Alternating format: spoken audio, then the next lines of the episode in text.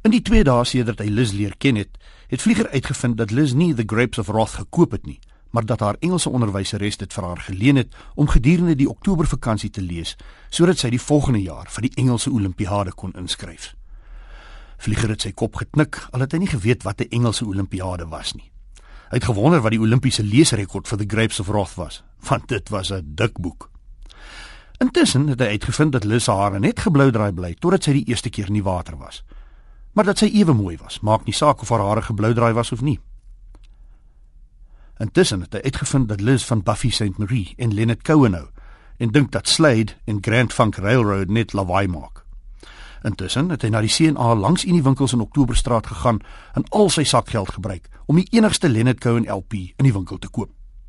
En al was dit nie soos enigiets anders wat hy al gehoor het nie, het hy oor en oor daarna geluister oor die radiogram in die sitkamer tot hy daarvan gehou het.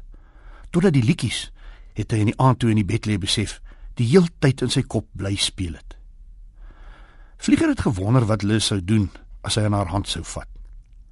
Dit was die tweede dag wat hulle langs mekaar op hulle handdoeke op die munisipale swembad se gras gelê het.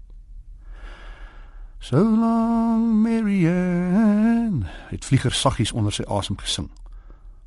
Wat? Liz het regop gesit en hom in die oë gekyk. "Ekskuus, ek ek het ek het nie bedoel om hardop te sing nie." "Sing verder," het Liz gesê. Vlieger het weer begin sing. Die uitdrukking in Liz se oë het hom laat besef dat dit dom sou wees om op te hou. En die manier waarop sy na hom gekyk het, het hom laat wonder of hy nie liewers moet probeer om aan iets anders as haar hand te vat nie.